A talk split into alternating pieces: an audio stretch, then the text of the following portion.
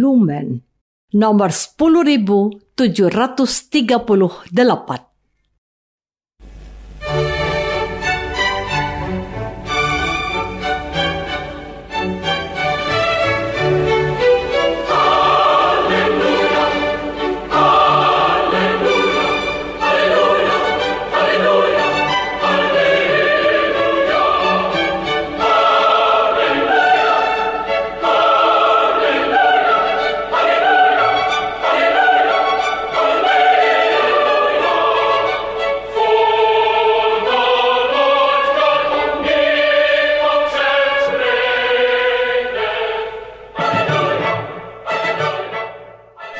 Saudara pendengar di segenap penjuru tanah air, selamat bergabung dengan Lumen Indonesia.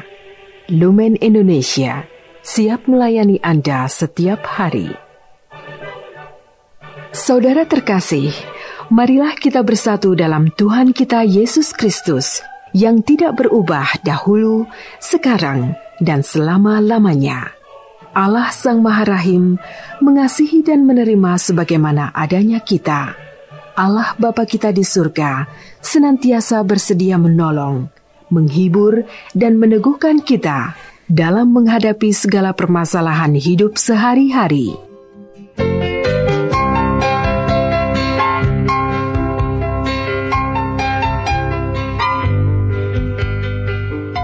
Saudara-saudari, marilah kita mendengarkan renungan dengan judul Yesus dipersembahkan.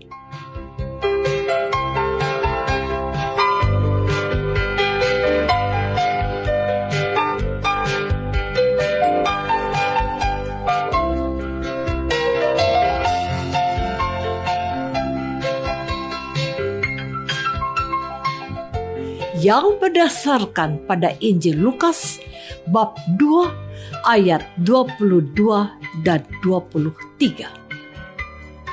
Dan ketika genap waktu pentahiran, menurut hukum Taurat Musa, mereka membawa dia ke Yerusalem untuk menyerahkannya kepada Allah.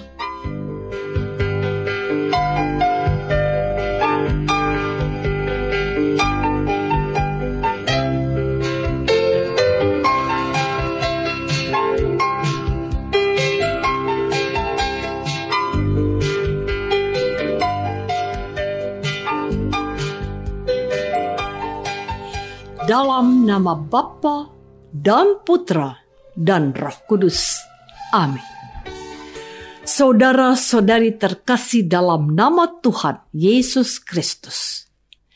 Dan ketika genap delapan hari dan ia harus disunatkan, ia diberi nama Yesus, yaitu nama yang disebut oleh malaikat sebelum ia dikandung ibunya. Dan ketika genap waktu pentahiran, menurut hukum Taurat Musa, mereka membawa dia ke Yerusalem untuk menyerahkannya kepada Tuhan. Semua anak laki-laki sulung harus dikuduskan bagi Allah, seperti ada tertulis dalam hukum Tuhan, dan untuk mempersembahkan korban menurut apa yang difirmankan dalam hukum Tuhan, yaitu sepasang burung tekukur atau dua ekor anak burung merpati. Dan setelah selesai semua yang harus dilakukan menurut hukum Tuhan, kembalilah mereka ke kota kediamannya, yaitu kota Nazaret di Galilea. Anak itu bertambah besar dan menjadi kuat, penuh hikmat, dan kasih karunia Allah ada padanya. Saudara-saudari terkasih, pada waktu Yesus berusia sekitar satu bulan, sesuai dengan adat istiadat agama Yahudi, kanak-kanak Yesus dipersembahkan di bait Allah di Yerusalem. Pada saat yang sama, ibunya juga melaksanakan tugas religiusnya sebagai seorang wanita Yahudi, yakni untuk mentahirkan dirinya setelah ia melahirkan seorang anak.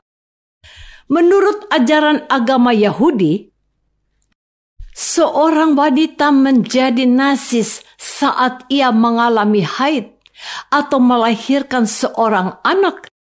Barulah sesudah beberapa waktu wanita itu dapat menjadi tahir melalui sebuah ritus religius.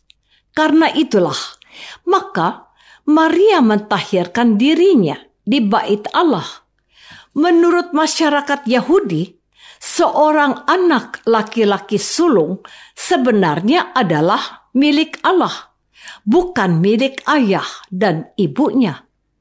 Allah pun berkenan atas kesalehan Yusuf dan Maria itu. Sikap Yusuf dan Maria itu pantas menjadi teladan bagi semua orang tua Katolik. Orang tua Katolik diharap mengimani dan mengakui bahwa anak-anak sebagai milik Allah yang dititipkan kepada mereka yang harus dipelihara dan dididik sebaik-baiknya secara kepercayaan Katolik sesuai dengan janji yang pernah mereka ucapkan pada waktu menikah. Saudara-saudari terkasih, devosi kepada Maria sebagai Mater Dolorosa, Bunda Duka Cita, berasal dari Injil Lukas bab 2 ayat 35. Dalam ayat tersebut, Simeon, nabi di bait Allah menubuatkan suatu pedang atau penderitaan akan menembus jiwa Maria. Di antaranya adalah ketika mengungsi ke Mesir. Ketika Yesus tertinggal di bait Allah, Maria berkata kepada Yesus, Lihatlah, Bapakmu dan aku mencari engkau dengan cemas.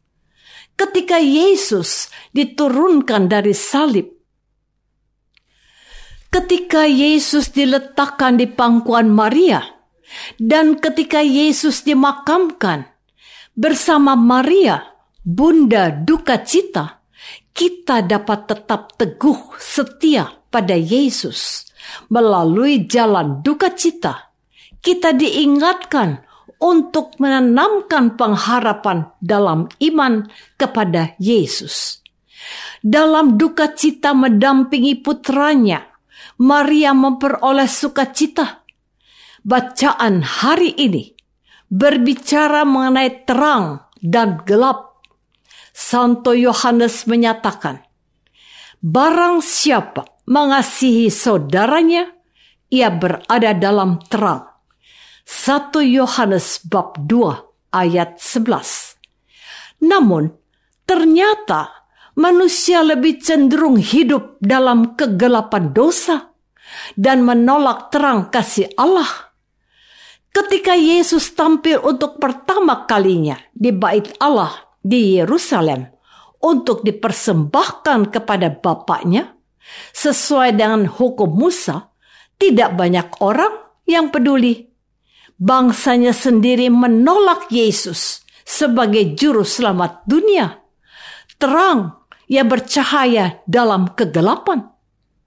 Pada zaman ini, tetap dibutuhkan Simeon-Simeon kecil, Simeon-Simeon baru yang setia, tekun, berani untuk mengantarkan sang cahaya itu kepada keluarga kita, tetangga kita, teman kerja di kantor atau tempat kerja, di perbelanjaan, di tempat hiburan, di rumah ibadat, tempat kita berorganisasi sosial, bahkan berpolitik. Di keluarga kita, lingkungan, dan masyarakat kita. Saudara-saudari terkasih, Tuhan hadir dalam pribadi yang sederhana, yang rendah hati.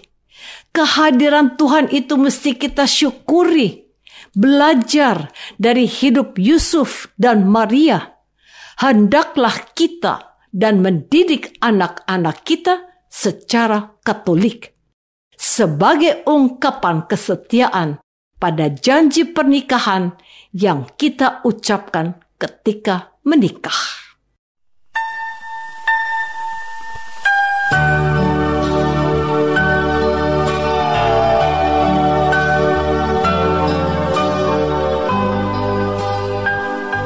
Saudara terkasih, marilah kita masuk dalam saat hening sejenak untuk meresapkan renungan yang baru saja kita dengar bersama dalam kehidupan iman kita masing-masing.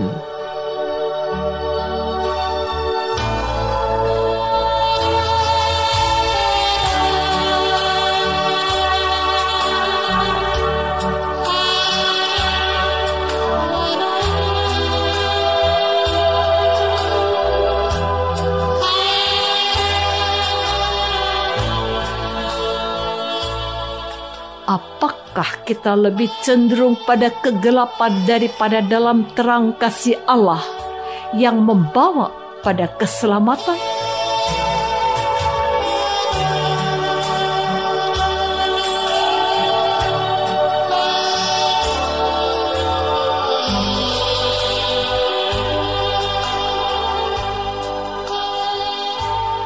Marilah kita berdoa. Bapak Semoga rahmat yang kami alami ini makin memancar dalam hidup kami dan hidup sesama kami untuk bertemu dengan Diko. Perkenankanlah kasihmu tetap mengalir deras ke bumi, bagaikan aliran sungai yang menyirami, membasahi tanah tandus. Ya Bapa, doa ini kami persembahkan dalam namamu yang kudus, Tuhan dan pengantara kami. Amin. Semoga kita semua selalu dinaungi dan dibimbing oleh berkat Allah yang Maha Kuasa, Bapa dan Putra dan Roh Kudus. Amin.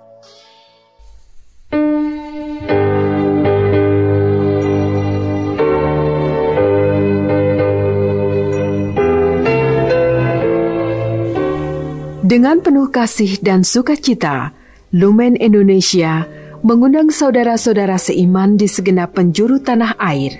Sekiranya ada tanggapan ataupun saran, kirimkan surat Anda ke Lumen Indonesia. Terima kasih atas perhatian Anda. Sampai berjumpa lagi dengan Lumen Indonesia pada waktu dan gelombang yang sama esok hari.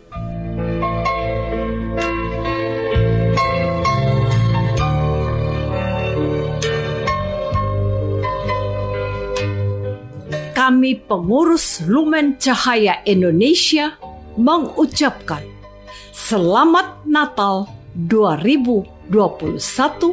Tuhan memberkati kita semua.